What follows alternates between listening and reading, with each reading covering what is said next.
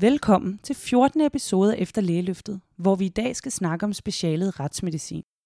Et speciale, som ofte giver associationer til skrækindjagende kriminalromaner, blå blink og gys, men som i virkeligheden byder på alsidige arbejdsopgaver med lige dele liv og død og med en god portion forskning oveni. I den forbindelse skal vi snakke med afdelingslæge Sara Tangmose Larsen fra Retsmedicinsk Institut ved Københavns Universitet. En oversigt over ansøgertallene til hoveddannelse i retsmedicin, gældende for de seneste fem år, finder du via linket i episodebeskrivelsen. Hoveddannelsen i retsmedicin varer fire år og består af to år ved et patologisk institut, samt to år ved et af de tre retsmedicinske institutter ved henholdsvis København, Aarhus og Syddansk Universitet. Nu skal vi til interviewet. Mit navn er Emilie, og jeg er din vært. Velkommen til. Hej Sara, velkommen til podcasten Efter Lægeløftet. Tusind tak, fordi du vil være med. Det var så let. Så øh, det er ikke nogen hemmelighed. Jeg har været rigtig spændt på, at vi skulle snakke sammen i dag, og det er sådan set lidt fordi, at retsmedicin for mig, og tror jeg også for mange andre, er et fremmed land. Det er noget med nogle mørke kældre under de store universitetshospitaler, og noget med blå blink og kriminalromaner. Så, så jeg er rigtig spændt på at høre, hvad, hvad livet som retsmediciner egentlig byder på. Men vil du ikke starte med helt indledningsvis at beskrive dig selv og din vej ind i specialet? Jo, jeg er afdelingslæge, og jeg er ansat på Retsmedicinsk Institut her i København. Og øh, jeg har været afdelingslæge i cirka lidt over et år. Da jeg blev færdig med turnus, der havde jeg det sådan lidt, at jeg virkelig ikke havde noget speciale, jeg havde lyst til. Og så sad jeg og søgte på ansættelser, for jeg skulle ligesom videre efter turnus. Og så øh, så jeg, at der var en stilling herinde på retsmedicinsk, og så tænkte jeg, da jeg læste stillingsopslaget, at det lød spændende. Øhm, og jeg havde haft lidt med faget at gøre tidligere under mit studie, hvor jeg havde lavet en øhm, opgave på antropologisk laboratorium, hedder det, som, som øh, har en øh, arkeologisk knoglesamling, og hvor jeg havde lavet en øh, sådan frivillig opgave der. Og så tænkte jeg, at det kunne være, at jeg skulle prøve det. Og så er jeg blevet her, og jeg har lavet en Ph.D. Og i 2008, jeg startede herinde i 2006, og i 2008 kom speciallægeuddannelsen så, og så fik jeg så meritoverført den del, jeg havde haft her, og er så senere blevet speciallæge. Okay. Så det vil sige, at speciallægeuddannelsen i retsmedicin er relativt ny i virkeligheden? Ja, ja. det er den. Okay. Det er jo sådan lidt specielt, fordi man kan sige, at retsmedicin, øh, faget i sig selv, det fylder jo meget lidt undervejs i studiet. Så hvordan var det lige, det sådan at det gik op for dig, at, at det var en spændende del af det. Man kan sige, at vi bruger jo rigtig meget tid øh, på studiet at beskæftige os med levende patienter, og pludselig vælger man det speciale, der beskæftiger sig med primært døde patienter. Så det kræver jo lidt en, en særlig interesse, tænker jeg. Ja, det er et godt spørgsmål egentlig. Altså jeg tror, jeg sådan under studiet altid tænkte, at det lød spændende, men det var ikke noget, jeg kunne forestille mig, at jeg ville arbejde med, fordi jeg synes simpelthen, det lød for makabert på en eller anden måde. Mm. Men øh, det, altså, det er meget anderledes i virkeligheden, end sådan det, jeg havde forestillet mig i hvert fald. Så kan jeg godt lide altså sådan det der med, at man skal løse en eller anden gåde. Mm. Og det er ikke fordi, at vi sådan på den måde leger detektiver overhovedet, men, øhm, men vi har sådan en masse Altså, vi har jo vores egne sager, kan man sige, og der er ikke nogen andre, der sådan rigtig er inde over dem, udover vi selvfølgelig altid er to på hver sag. Mm. Øh, men man følger ligesom sin, sin sag til dørs. Altså, i klinikken synes jeg også, det var spændende, det der med at diagnostisere patienterne i det medicinske speciale, men, øhm, men man lod altid ligesom patienten gå videre til en anden, når man havde fri. Mm. Øh, og så skulle man så selv være opsøgende, og hvis man skulle finde ud af, om, hvad var der skete efterfølgende og sådan noget. Altså i det her speciale, der beholder man sin egen sag, og man, man følger den til dørs, og man har mulighed for at, at fordybe sig på en anden måde, som jeg ikke synes, jeg oplevede at have i klinikken. Mm. Og det var egentlig ikke noget, jeg vidste, før jeg kom ind. Mm. Og så plus, at øh, jeg har også altid interesseret mig for forskning. Og øh, i og med, at retsmedicin er under universitetet, så er forskning sådan ligesom en naturlig del af, af mm. faget også. Mm. Okay. Og det synes jeg egentlig også var meget rart. Så traditionen tro, så læser jeg op af Sundhedsstyrelsens definition af specialet. Den er jo en lille smule anderledes skruet sammen i forhold til de øvrige specialers definitioner for Sundhedsstyrelsen. Men øh, vi læser den op, og så tænker jeg, at vi gennemgår den efterfølgende. Retsmedicin er et diagnostisk og vurderende speciale, der overvejende har myndighedsopgaver med justitsvæsenet som hovedaftager. Specialet kræver viden og færdigheder inden for retspatologi, personundersøgelsesteknik og sporsikring, kriminalteknik, patologisk anatomi og histologi. Specialets erklæringer og undersøgelser danner basis for politiets efterforskning og grundlag for de efterfølgende juridiske og sociale vurderinger. Retspatologi omfatter findestedsundersøgelser, det vil sige undersøgelser af mistænkelige dødsfald på findestedet, samt retslægelige ligesyn og obduktioner. Ved de retslægelige obduktioner er det retsmedicinerens opgave at belyse årsagssammenhængen og afklare dødsmåde og dødsårsag samt sikre dokumentation. Klinisk retsmedicin omfatter det retslægelige undersøgelse af voldsoffre, herunder personer udsat for drabsforsøg, vold, voldtægt, børnemishandling, incest og tortur, samt personer, som er mistænkt eller sigtet for en kriminel handling. Retsmedicinerens opgave er at sikre dokumentation af lesioner, sporsikring og vurdering af lesionernes opståelsesmåde og farlighed. Arbejdet foregår i samarbejde med politiets kriminalteknikere og andre fagpersoner med ansvar for pleje og behandling. Retsmedicinere optræder som ekspertvidner i retten. En hver retsmedicinsk undersøgelse afsluttes med udfærdigelsen af en erklæring til retslig brug eller til brug for forskellige myndigheders sagsbehandling. Speciallæger i retsmedicin er ansat ved de retsmedicinske institutter ved Københavns Universitet, Aarhus Universitet og Syddansk Universitet. Med tilknytningen til universiteterne følger arbejdsopgaver inden for forskning og undervisning af lægestuderende. Ja. Yeah. Så en rimelig øh, specifik, kan man sige, øh, definition her af specialet. Jeg synes, der er mange aspekter af det, som er vigtige at tage fat i, fordi de adskiller sig en del for mange andre øh, specialer. Så jeg tænker, at vi lige kunne starte lidt med at snakke om det her med, som øh, der blev nævnt til sidst, at man er universitetsansat som retsmediciner. Hvordan skal det forstås, og hvordan kan du mærke det i din hverdag, så at sige? Jamen altså, det er sådan, at vi er på universitetet, i hvert fald en, er en af årsagerne, at øh, vi skal være uafhængige af det øvrige sundhedsvæsen, og det er jo også fordi, at vi så engang imellem har altså behandlingsfejl. Hmm. Og derfor må vi ikke være inhabile på den måde. Og så kan man sige, den måde, jeg mærker det i min dagligdag, er jo egentlig nok den største forskel, at øh, man er inde under en anden overenskomst. Mm. I starten, da, da jeg startede her, så øh, der gik ret lang tid før det i hvert fald gik op for mig, at jeg var ansat under en anden overenskomst. Og det jo, har jo blandt andet betydning, hvis man øh, skal på barsel. Der er nogle lidt andre øh, barselsregler for, hvor, hvornår man må gå fra og sådan noget. Mm. Så vi, har vi også nogle andre øh, altså lønninger. Ja, så, så det har selvfølgelig betydning sådan rent på løn- og arbejdsvilkår. Sådan i dagligdagen er, som jeg ikke tror nødvendigvis har noget at gøre med, at vi er universitetsansat, men det er så bare det, at vi er retsmediciner, og det er, at vi ikke har, altså vi behandler ikke. Så man er ikke længere behandlende læge, og man må ikke længere være læge for de mennesker, man møder som en del af, af sit arbejde. Altså det er bare sådan, det er, fordi vi kan ikke have et læge-patient-forhold. Vi skal jo være objektive. Så når vi skal udtale os om, for eksempel hvis jeg undersøger en levende person, mm. så må jeg ikke have det her læge-patient-forhold mm. til personen. For jeg skal være objektiv, og jeg skal ligesom også videregive de oplysninger, jeg får til politiet for eksempel. Ikke? Okay. Hvis det er dem, der er bedt om undersøgelsen. Så der er sådan flere ting, som er anderledes, end hvis mm. man er på et hospital eller bare arbejder som læge i andre specialer. Men ellers synes jeg ikke, at man på den måde mærker, at man er universitetsansat i dagligdagen. Mm. Det, og vi har selvfølgelig også øh, undervisning af de medicinstuderende. Og en stor forskningsaktivitet også, har jeg indtryk af. Ja. Okay. Og så er det jo sådan, at I er en uafhængig institution, så at sige, og I får opgaver udefra. Så I har jo en del samarbejdspartnere, eksterne samarbejdspartnere, som retter henvendelse til jer. Ja.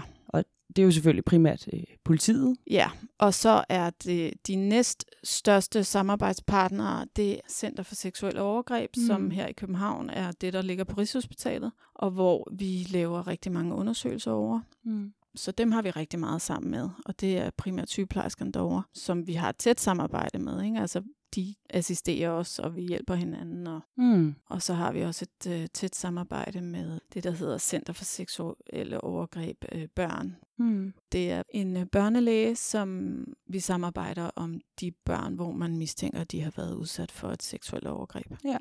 Så er der også noget som Udlændingestyrelsen øh, i Det forhold rigtigt, til ja. potentielle torturoffre og så videre. Ja, torturoffre, det er som regel flygtningelevnet, tror jeg, der rekvirerer dem. Vi har ikke så mange torturundersøgelser. Mm. Det er måske et par stykker om året. Okay. Og der går det på en vurdering af, hvorvidt de har været udsat for tortur tidligere og så videre. Ja. Ja, okay. Men vi har så øh, aldersvurderinger, som er fra Udlændingsstyrelsen, der rekvirerer dem. Og der har vi i perioder haft rigtig mange sager, hvor vi nu ikke længere har så mange. Mm. Det er et par stykker om ugen højst. Okay, og det vil sige, det er flygtninge, der kommer hertil uden papir og dokumentation for, øh, hvem de er og så videre, og så er det øh, simpelthen med henblik på at vurdere alder. Ja, det er primært de øh, asylansøgere, som kommer og siger, de er børn, Ja. og hvor Udlændingsstyrelsen drager tvivl om deres alder, fordi de måske synes, de ser ældre ud. Og så laver vi så en øh, undersøgelse, hvor vi giver en vurdering af, hvor gamle de er. Okay. Så det vil sige, at man har egentlig ret mange øh, forskellige funktioner som retsmediciner, alt afhængig af, hvem der ligesom rekvirerer de her opgaver. Det har man. Jeg synes, det er et rigtig bredt speciale. Mm. Jeg tænker nogle gange, at det er lidt ligesom en almen mediciner, som også har en hel palette af patienter, der fejler alt muligt. Ikke? Der har vi så i stedet en palette af folk, der er døde på alle mulige forskellige måder, Mm. og af alle mulige forskellige sygdomme, eller ved forskellige former for ulykker eller forgiftninger. Så på den måde er vi altså meget brede. Mm. For lige at tage fat i den helt store aktør, altså politiet. Hvordan, hvordan foregår sådan en typisk opgave, man, man bliver stillet fra dem? Man kan sige, at det, der fylder mest i vores arbejde, er, at vi har obduktionerne, og så har vi vores personundersøgelser. Mm. Så vi har ligesom de døde og de levende. Personundersøgelserne har vi primært i vagten, og obduktionerne har vi så i vores almindelige dagtid. Mm. Så kan der jo så engang imellem være en akut obduktion, som bliver taget om natten eller sådan noget. Men øh, som udgangspunkt, så har vi alle obduktionerne mandag til fredag. Mm. Og så er personundersøgelserne så nogen, der kommer hele døgnet. Mm. Men så er det primært den person, der har vagten, der tager dem. Okay. Og når du siger personundersøgelser, så er det folk, der har været udsat for de her potentielle vold, voldtægt. Ja, og så er det jo så via politiet som regel, ikke? Mm. hvor politiet så rekvirerer en undersøgelse af en person, der har været udsat ja, netop for vold eller voldtægt, seksuel misbrug. Okay. Vi laver også en imellem undersøgelser over på traumacentret. Hvis personerne bliver kørt dertil, så beder politiet os om at tage derover, og så laver vi så vores undersøgelse, samtidig med, at de får lavet alt det andet over i traumacentret. Okay. Så er der så også de her findestedsundersøgelser, som også bliver nævnt. Er det. Mm. noget, der fylder meget, eller hvordan? Nej, både og. Jeg tror, vi har måske omkring 60 findesteder om året eller sådan Okay. noget. Det er så også primært i vagten, de foregår, fordi det er jo, når personen bliver fundet, så skal man så komme inden for en relativt kort tid, hvordan det nu lige kan passe, og så lave undersøgelsen ud på stedet. Og er det i øvrigt, fordi det ellers er kriminalteknikere inden for politiet, der var til, at de her findestedsundersøgelser, eller hvordan? Vi laver dem jo i samarbejde med kriminalteknikerne. De har ligesom selve stedet, og vi har livet. Okay. Det er dem, der ringer til os og siger, hvornår det passer dem, at vi kommer, fordi så har de ligesom sørget for, at der er en vej Hmm. hen til livet. Okay. Så bliver der nævnt øh, lidt om det her med, at man optræder i retten som retsmediciner. Hvor hyppigt er det? Altså sådan som det er organiseret her hos os, så er det overlægerne og statsobducenterne, som går i retten. Okay. Det er meget forskelligt, hvor ofte det er. Måske en gang om ugen. Mm. Det er sådan lidt i perioder også. Så man kan sige, at erklæringerne bliver jo sendt til politiet og så videre til anklagemyndigheden, og så går der jo også tit rigtig lang tid, før en sag kommer fra retten. Og så bliver erklæringen så læst op i retten, og så bliver man så stillet spørgsmål til erklæringen. Okay. Så bliver der nævnt i Sundhedsstyrelsens definition de her forskellige, hvad skal man sige, subgrupperinger øh, af specialet. Der bliver nævnt retskemi, retsgenetik, retspatologi og så retsantropologi, som du selv var inde på, øh, du havde arbejdet lidt med i forbindelse med de her, den her knoglesamling. Ja. Hvordan er det? Er det sådan nogle grene, som hører ind under specialet, som man vælger at beskæftige sig med, eller er det bare forskellige procedurer, der ligesom hører ind under hver enkelt? Altså, når man arbejder som læge retsmedicinsk her i København, så er det i retspatologien. Okay. Man ved selvfølgelig noget om både retskemi og retsgenetik, fordi man også får i forbindelse med sine sager svar fra de afdelinger. Mm. I forbindelse med en personundersøgelse tager man jo spor, som går til retsgenetiske undersøgelser. Mm. Og lige for at få det på det rene, retskemi, det er sådan noget toksikologiske undersøgelser. Ja, for eksempel øh, hvis du har en, et dødsfald, hvor man mistænker forgiftning, så er det dem, der hjælper en med at analysere, hvad der er i blod og urin. Og Og retsgenetik er DNA-analyserne. det er DNA. Ja. Ja, okay. Og, og så var der den her retsantropologi, som er knogleviden. De laver lidt forskelligt. Gang, det er nu ikke så meget længere, men der øh, var der også nogen, der lavede øh, undersøgelser af folk, der var fanget på videoovervågning, hvor Mm. mm. de øh, identificerede folk på det og sådan noget. Okay. I dag er det mest sådan noget med 3D-rekonstruktioner af forskellige brud og sådan noget ud fra CT-scanninger Mm. og sådan noget i den, i den tur. Okay. Så bliver der også nævnt noget om alle de her erklæringer, at der ligger et stort arbejde i at udføre dokumentation for alt det, I mm. Undersøger og finder frem til. Ja. Det er en stor del af arbejdsgangen, eller hvordan? Ja, det er en rigtig stor del af det. Altså, jeg vil tro, at man i 50 procent af sin tid øh, bruger man på at, at udfærdige de her erklæringer, og den anden halvdel bruger man på at rent faktisk udføre undersøgelserne. Det er jo anderledes, end når man for eksempel skriver en journal på en hospitalsafdeling, og det er jo så fordi, vi bruger jo ikke lægelatin.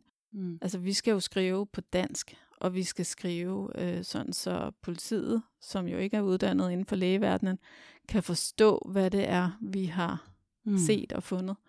Det er jo noget, som man i starten bruger rigtig lang tid på. Altså fordi ens latin, det, det ligger bare på ryggraden, ikke? Mm. Og nu skal man pludselig til at finde ud af, hvad hedder radius på dansk, og det tager lang tid i starten, og så kommer det. Okay. Ja. Så det vil sige faktisk en hel del skrivebordsarbejde, øh, hvis man kan kalde det det, i specialet her. rigtig meget skrivebordsarbejde, og vi har jo også alle sammen, nogle har eget kontor, nogle deler kontor, men alle har to computerskærme, og det er så fordi, vi både arbejder på et øh, lukket system, fordi vores erklæringer, de skal helst ikke kunne hackes, og så har vi også et åbent system til nogle andre ting. Okay. Så ja, man arbejder rigtig meget foran computeren faktisk. Så jeg tænker lidt, at vi kan hoppe videre til næste punkt, som handler lidt om, hvordan sådan en, en arbejdsuge ser ud som retsmedicin, og vi har snakket lidt om nogle aspekter, men hvordan er den bygget op? Jeg, jeg har mandag til fredag fra 8 til 15.30, eller hvad der nu passer med 37 timer. Udover det, så har jeg så indimellem nogle vagter. Og så arbejder vi sådan lidt på skift, at vi nogle uger, der laver vi obduktioner, og andre uger, der kører vi så øh, vagter, eller ligesom står til rådighed til at hjælpe vagten, eller har nogle andre funktioner. Så I kører lidt sådan nogle rul i Vi virkeligheden? kører faktisk, ja, vi er begyndt at køre sådan nogle rul, og det er egentlig meget rart. Så kan man ligesom indstille sig på, når nu har jeg en periode, hvor det er det, jeg koncentrerer mig om, med mm. for eksempel obduktioner, eller nu har jeg en periode, hvor jeg har nogle vagter hver tredje dag, eller, eller fjerde døgn, eller sådan noget. Okay. Mm. Og med vagter, så er det 24 timers vagter, man har, eller hvordan? Ja, vi har 24 timers vagter, og det er vagter på tilkald. Så det vil sige, hvis det er en vagt, der ligger en almindelig hverdag, så er man her i dagtiden. Og øh, så hvis man ikke har fået nogle opgaver, så tager man hjem, når arbejdsdagen er slut. Og så har man en telefon på sig frem til næste morgen kl. 8. Og så øh, kan politiet så ringe til en og bede en om at lave en undersøgelse. Mm. Og så tager man så afsted hjemmefra, og derhen, hvor man så skal lave undersøgelsen. Det er som regel herinde eller over på Rigshospitalet. Nogle gange også andre steder hen, og vi dækker også Bornholm. Man kan risikere at skulle til Bornholm i sin vagt, eller hvordan? Ja, det kan man Det godt. kan man faktisk godt. Nå. Det kan man godt. Okay. Ja. Og men det ikke er så hyppigt, måske. Det er ikke så hyppigt, og det er også tit sådan noget, som bliver lidt forsinket, fordi man jo skal med fly derover, og det er ikke altid, der lige går et fly midt om natten. Okay. Så Vel, så hvor mange vagter har man typisk på en måned, så?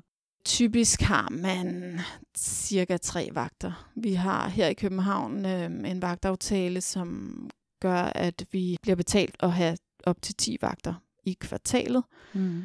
Det er sådan max, vi har. Okay. Og arbejder man som forvagt og bagvagt også, som man gør det på hospitalet, eller hvordan er, hvordan er det struktureret? Her i København er det struktureret sådan, så vi har et øh, forvagtslag og et bagvagtslag. Mm. Jeg er også i forvagtslaget, så man er i forvagtslaget, indtil man ligesom rykker op som overlæge. Okay, Og det er så overlægerne, mm, som fungerer som bagvagter. okay. Og så er der afhængig af, hvor meget man ligesom har fået lov til at lave øh, selvstændigt, eller kan øh, lave selvstændigt, så er der ligesom nogle typer øh, undersøgelser, hvor bagvagterne så kommer og laver dem sammen med forvagten, og ellers så, altså, jeg, jeg laver det meste selv. Okay. Ja. Og sådan en klassisk obduktion, der hvor lang tid tager den? Er det en hel dag, at man kan bruge på sådan en, eller er det timer, eller hvordan? Altså, nogle obduktioner kan sagtens tage 12 timer. Det er de færreste, der Mm. gør det. Som regel tager en obduktion alt i alt tre timer, cirka. Okay. Så man kan jo godt nå at køre et par stykker igennem i virkeligheden øh, i løbet af sådan en Ja, dag. det kan man godt. Vi plejer at obducere om formiddagen, og som regel så tager man som udgangspunkt en obduktion hver. Mm. Okay. Så når du har sådan en uge med typisk obduktioner, så ligger der i det også det skrivebordsarbejde, der ligesom følger med en Ja. obduktion, du har lavet. Ja, nemlig. Okay. Og hvordan er det så, når man er ung læge, det her? Fordi det er jo ikke et speciale, forestiller man bare lige går til. Hvordan starter man ud som ung læge i en introduktionsstilling, for eksempel? Jamen altså, man starter ud med at have et ret langt oplæringsprogram, hvor man både bliver lært op i obduktioner, og så bliver man lært op i øh, personundersøgelserne. Og det er, som det kører her i København, er det sådan et, jeg tror det er omkring seks uger, man bliver lært op, så der er ret god oplæring. Og så ellers så laver man jo stort set det samme som de andre, udover man så ringer mere til sin bagvagt og sådan noget, hvordan det nu er aftalt med, hvornår man skal ringe, inden man laver en undersøgelse, som man måske ikke har lavet før. Mm. Okay, så man bliver egentlig kastet sådan rimelig meget ud i det på lige fod med, med dem, der har været her længere tid i virkeligheden. Ja, det gør man, og også, altså man kan selvfølgelig sige, at man starter ikke med de svære obduktioner, mm. men altså obduktionerne er jo også nemmere at, at styre, fordi altså man ved ligesom dagen før, når nu er der kommet øh, den her type obduktion til mm. i morgen, og så vurderer man på de informationer, man nu har, om det kunne være noget, som var svært og, eller kompliceret, og som måske en med mere erfaring skulle have, eller om det er en, som er relativt til at gå til, og som man så kan give til de unge Ja. eller nye i faget. Ikke? Så på den måde bliver der selvfølgelig taget hensyn til, hvor meget man kan. Men det er svært at styre, når det er i vagten, fordi der ved du ikke, hvad der kommer. Og det er jo så også derfor, at bagvagten så vil tage med, mm. hvis det er noget, som er mere kompliceret. Så der er ligesom sådan, der er ret godt styr på, hvad man, hvad man må, og, og hvad man ikke må, hvad man får lov til at lave øh, selvstændigt. Mm. Ja, så et godt beskyttet læringsmiljø. Det er det, ja. Okay. Og så sådan lidt kunne jeg godt tænke mig at høre om, det, der er jo sådan ligesom visse, hvad skal vi kalde det, fordomme, vil jeg sige, om retsmedicin, i og med, at det er jo sådan lidt, at man beskæftiger sig med døde mennesker, og man har ikke noget Mm. patientkontakt, man render rundt i en mørk kælder og sådan noget. Mm. Altså, I har jo undersøgelser af levende, som du siger, voldtægtsoffer og voldsoffer og sådan noget. Hvor meget, hvor meget patientkontakt har man? Hvor meget fylder det i ens hverdag? Jamen altså, vi har jo ingen patientkontakt, fordi at vi jo ikke behandler. Mm. Undersøgelsesmæssigt eller antalsmæssigt har vi faktisk flere undersøgelser af levende, end vi har af døde. Det har man. Okay. Så vi har jo altså masser af kontakt med levende mennesker, som vi ser og interagerer med, men vi behandler dem ikke. Så hvis der nu er et eller andet, som skal behandles, altså hvis jeg nu sidder og undersøger en person, hvor jeg tænker, åh, han kunne godt have brækket armen eller et eller andet, så må jeg ringe til nogle andre og bede dem om at kigge på det. Mm. Og er, er det ikke en mærkelig position, det der med, at man er blevet oplært så meget under studiet til ligesom at behandle patienter, diagnostisere og behandle patienter, og pludselig frelægge sig det ansvar, så at sige, som der ligger? Jo, jeg tror i hvert fald, at man, det er noget, som, som nogen kan have svært ved, fordi vi ikke på den måde er læger længere, i hvert fald ikke sådan nogen, der behandler. Men altså, jeg har, jeg har det så fint med det. Det er ikke noget, der generer mig Nej. overhovedet. I arbejder jo sådan ligesom, kan man sige, øh, dels med de her obduktioner, som I ved på forhånd, hvor meget fylder og så videre, men, men uundgåeligt er der jo også de her vagter og med en del øh, spidsbelastninger, forestiller man sig, hvis der lige pludselig kommer en, en stor sag ind ad døren, som kræver en masse opmærksomhed. Så hvordan balancerer man ligesom sit arbejdsliv i forhold til sit privatliv? Går det sådan rimelig op, eller, eller er man meget øh, er meget travlt på sit arbejde, og kræver det meget aktivitet ud over det, man ligesom står med i hverdagen. Da jeg startede, der troede jeg, at vagterne ligesom var en del af ens 37 timer, som jeg havde været vant til fra hospitalerne. Det fandt jeg jo så ud af, det var de ikke. Det er faktisk, og det er måske noget, man sådan ikke lige tænker over, når man starter her, men vagtarbejdet ligger faktisk ud over ens 37 timer. Okay. Ja, så man er her ligesom fast mandag til fredag, og så har man så de her vagter ud over. Jeg har så den mulighed, at jeg kan afspacere, fordi jeg ikke er i uddannelsesstilling. Men ellers så vil man jo arbejde mere end de 37 timer. Så længe man er under uddannelse i hvert fald. Ja. Altså hvis man har været op om natten, så får man selvfølgelig lov til at sove dagen efter, og så møder man ikke ind. Men har man ikke været op om natten, så møder man ind og tager sin dagtid. Okay. Så man skal være indstillet på en, en vis periode af ens liv, hvor man altså arbejder mere end, end standard, så at sige. Ja, det, det skal man. Ja, okay. Og hvordan er det i forhold til sådan noget med at skulle forske for eksempel øhm, i specialet? Er det en nødvendig del af det, eller er det, eller er det noget, man ligesom kan fravælge til vælge efter behov? Vi er rigtig mange som forsker, og det er klart, at i nogle perioder har man mere tid end i andre, og øhm, der er også mange af lærerne herinde, som vælger at lave en Ph.D. Mm. Altså, da jeg startede herinde i sin tid, der havde jeg et lille sideprojekt, jeg lavede ind imellem. Men jeg, altså, det er jo ikke noget, man er tvunget til på den måde. Men, Mm. øhm, men det er jo et fag, som har meget forskning. Så det er helt klart en fordel, hvis man også synes, det er sjovt. Mm. Okay. Og så lidt sådan øh, personligt. Er der noget, du godt gad have vidst, inden du selv gik ind i specialet her? Noget, der ligesom er kommet bag på dig efterfølgende? Som vi også har nævnt tidligere, eller som jeg har sagt tidligere, altså det der med, at man er ansat under en anden overenskomst, det var i hvert fald ikke noget, jeg lige øh, havde tænkt, at man kunne. Jeg troede faktisk kun, der var en. Og øh, så er jeg blevet overrasket over, at, eller man kan sige, der er også mange lidt ulækre ting i det her fag. Mm. Det er heldigvis noget, som folk generelt er enige om, er lidt ulækkert, men det, det klarer man. Ja, for jeg skulle til at sige, et eller andet sted forestiller man sig, at man som retsmediciner bliver så hærdet, at man øh, til sidst ikke synes, der er noget, der ligesom kan, kan overvælde en længere, men det er der altså alligevel. Ja. Det er der. Det er der. Ja.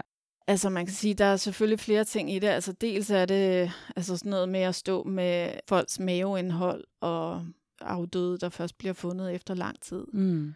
Det er sådan en ting af det. Altså, der er jo meget sådan mange ulykkelige skæbner, mm. kan man sige, som man hele tiden bliver konfronteret med. Ikke? Der er jo ikke særlig meget lykke i det her speciale.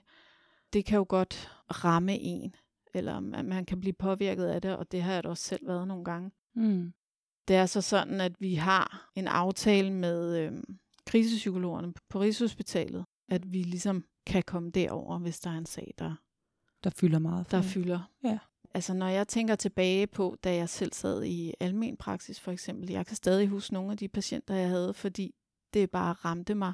Mm. Og det var jo fordi, at det var jo nogen, man lærte at kende. Mm. I det her speciale, der kender man ikke dem, man møder. Altså, det, man, man læser selvfølgelig noget om omstændighederne omkring øh, dødsfald og sådan noget, men det er meget sjældent, vi sådan har med de pårørende at gøre. Det har vi selvfølgelig indimellem, hvis de gerne vil have en samtale. Men på den måde er det nemmere at ligesom fokusere på opgaven. Ja.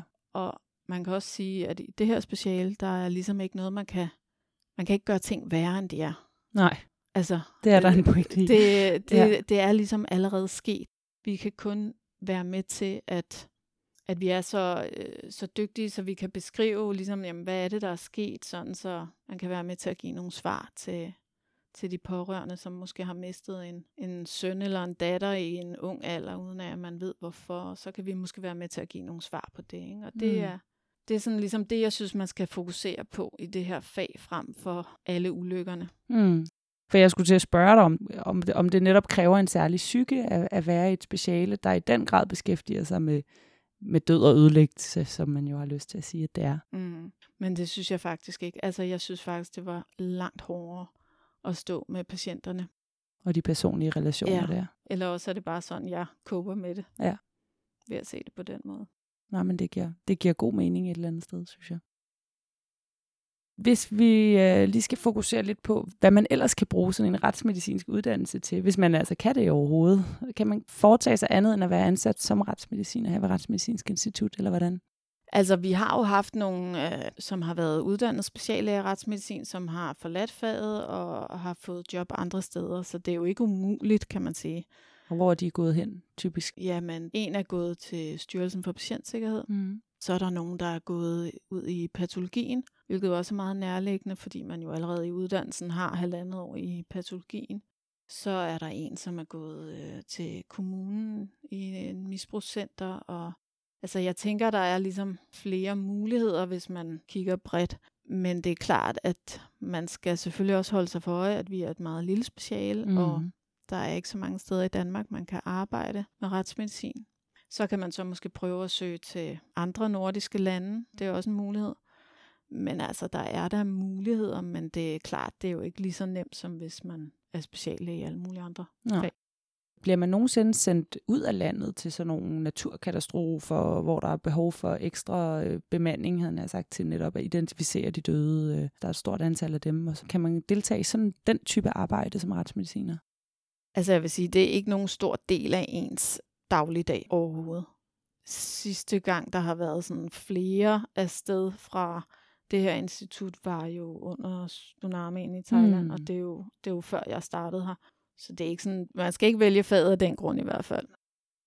Nu sagde du det selv, det her med, at det er et meget lille speciale. Hvordan forholder det sig i forhold til at få job på den anden side af ens uddannelse? Er det lade sig gøre lidt, eller hvordan? Altså, jeg tænker, at antallet af hoveduddannelsesstillinger ligesom afspejler, hvor mange man forventer, man vil få brug for på institutterne. På den måde er der som regel en plads på den anden side. Ja, jeg tænker i hvert fald ikke, at man skal altså, fraholde sig fra det, på grund af, at man er bange for ikke at få job bagefter. Mm. Selvfølgelig er der masser af ting, der kan ændre sig, og man kan pludselig måske blive tvunget til at, at skære i budgettet.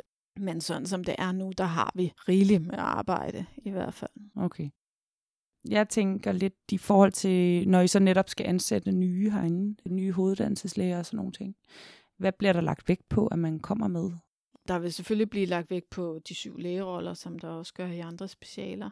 Men jeg tænker, at man også skal i hvert fald som ansøger tænke over, eller i hvert fald have det med, at man ikke arbejder 100% selvstændigt. Altså man er jo altid to ind over en sag. Så øh, når jeg for eksempel har en obduktion, mm, så laver jeg den, og så er der en af bagvagterne, eller hvad vi skal kalde dem, supervisorerne, som så kommer ned og ser med, og ser, hvad jeg har fundet. Og så er vi ligesom os to, der så har den sag.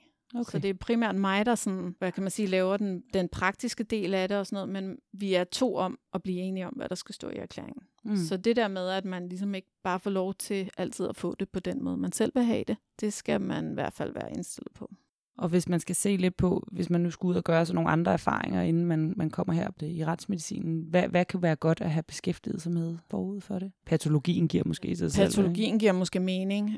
Ja, men ellers synes jeg, at de læger, der starter herinde, har utrolig forskellige baggrund. Og vi er jo også netop et bredt speciale. Altså, vi har jo både noget gynækologi med alle de der voldtægtsundersøgelser, vi har, ikke? og vi har børneundersøgelser, vi har asylansøgere, og så afdøde, som er inden for alle afskygninger af, hvad man, altså, så det, jeg tænker ikke, at der er noget sådan specifikt, jeg sådan kan pege på, mm. fordi vi jo, vi jo på den måde egentlig har det hele her. Mm. Lidt om specialet i fremtiden. Er der nogle udfordringer, du ser kunne blive aktuelle for jer som speciallæger i retsmedicin? Der er selvfølgelig det her med, at vi er et lille speciale, hvilket jo også betyder, at vi er meget øh, påvirkelige af, hvis der pludselig ikke er nogen læger, der søger herind, så kommer vi til at mangle læger lige pludselig. Og øh, omvendt, hvis der pludselig er mange, som går på pension eller på anden måde forlader specialet, så er vi også sårbare på den måde. Det er selvfølgelig en udfordring. Vi er jo også i en situation, hvor vi skal kigge på, hvad vi også kunne gøre for ligesom at komme ind over nogle flere områder. Altså for eksempel Styrelsen for Patientsikkerhed, de laver jo stadig ligesyn, retslægelige ligesyn, og der kunne det måske give mere mening, at det var os, der havde dem på landsplan. Altså vi er jo gode til sådan at kigge efter lesioner og skudsår og sådan noget. Det er ikke altid, man lige, hvis man ikke ser det så tit, ville kunne genkende det. Forhåbentlig et skudsår, det håber jeg da. Men, øh, der er jo mange ting, der forandrer sig. Man kan også sige, at patologerne de laver stort set ingen obduktioner længere. Mm. Og det kunne da være, at, at vi skulle til at og måske også overtage de obduktioner, fordi det er ligesom det, vi laver hele tiden. Mm. Men altså, det er jo sådan noget, der foregår på et helt andet Politisk politisk, plan, plan, ja. som jeg ikke er Nej, Ind så over. man ikke ind over. Du får lov til, Sara, her sådan lidt afslutningsvis, dels øh, lige at give sådan dit bud på, hvorfor det her speciale er super fedt for dig i hvert fald, øh, og hvorfor alle andre skulle til at overveje det som en, en mulighed. Jeg tænker, hvis man synes, at forskning er sjovt, og man godt kan lide at have tid til fordybelse, og at der ikke er særlig meget akut, Mm. så er det da helt klart et fag, man kan overveje. Det er også meget alsidigt og bredt, og man øh, kan hele tiden lære noget nyt. Man bliver aldrig færdig med det her fag, og det er jo også det, der er så spændende. Og man løser gåder. Og man løser gåder. Ja. ja. Det er jo Sådan altid da. lidt sjovt. Ja. Sådan da. ja. Og så til allersidst, Sara, det plejer jeg altid at spørge ind til, om man kunne give godt råd til alle de kommende og unge læger, der sidder derude og lytter med, i forhold til valg af speciale. Det er jo en svær, stor beslutning tit og ofte. Har du nogle sådan generelle kloge ord, du kan sende folk afsted med, hvad det angår? Altså, hvis jeg skulle sige noget til folk i dag, så er det, lad være med at tro, du skal lave det samme de næste 40 år. Man kan altid lave noget andet. Mm. Det synes jeg er vigtigt at tage med.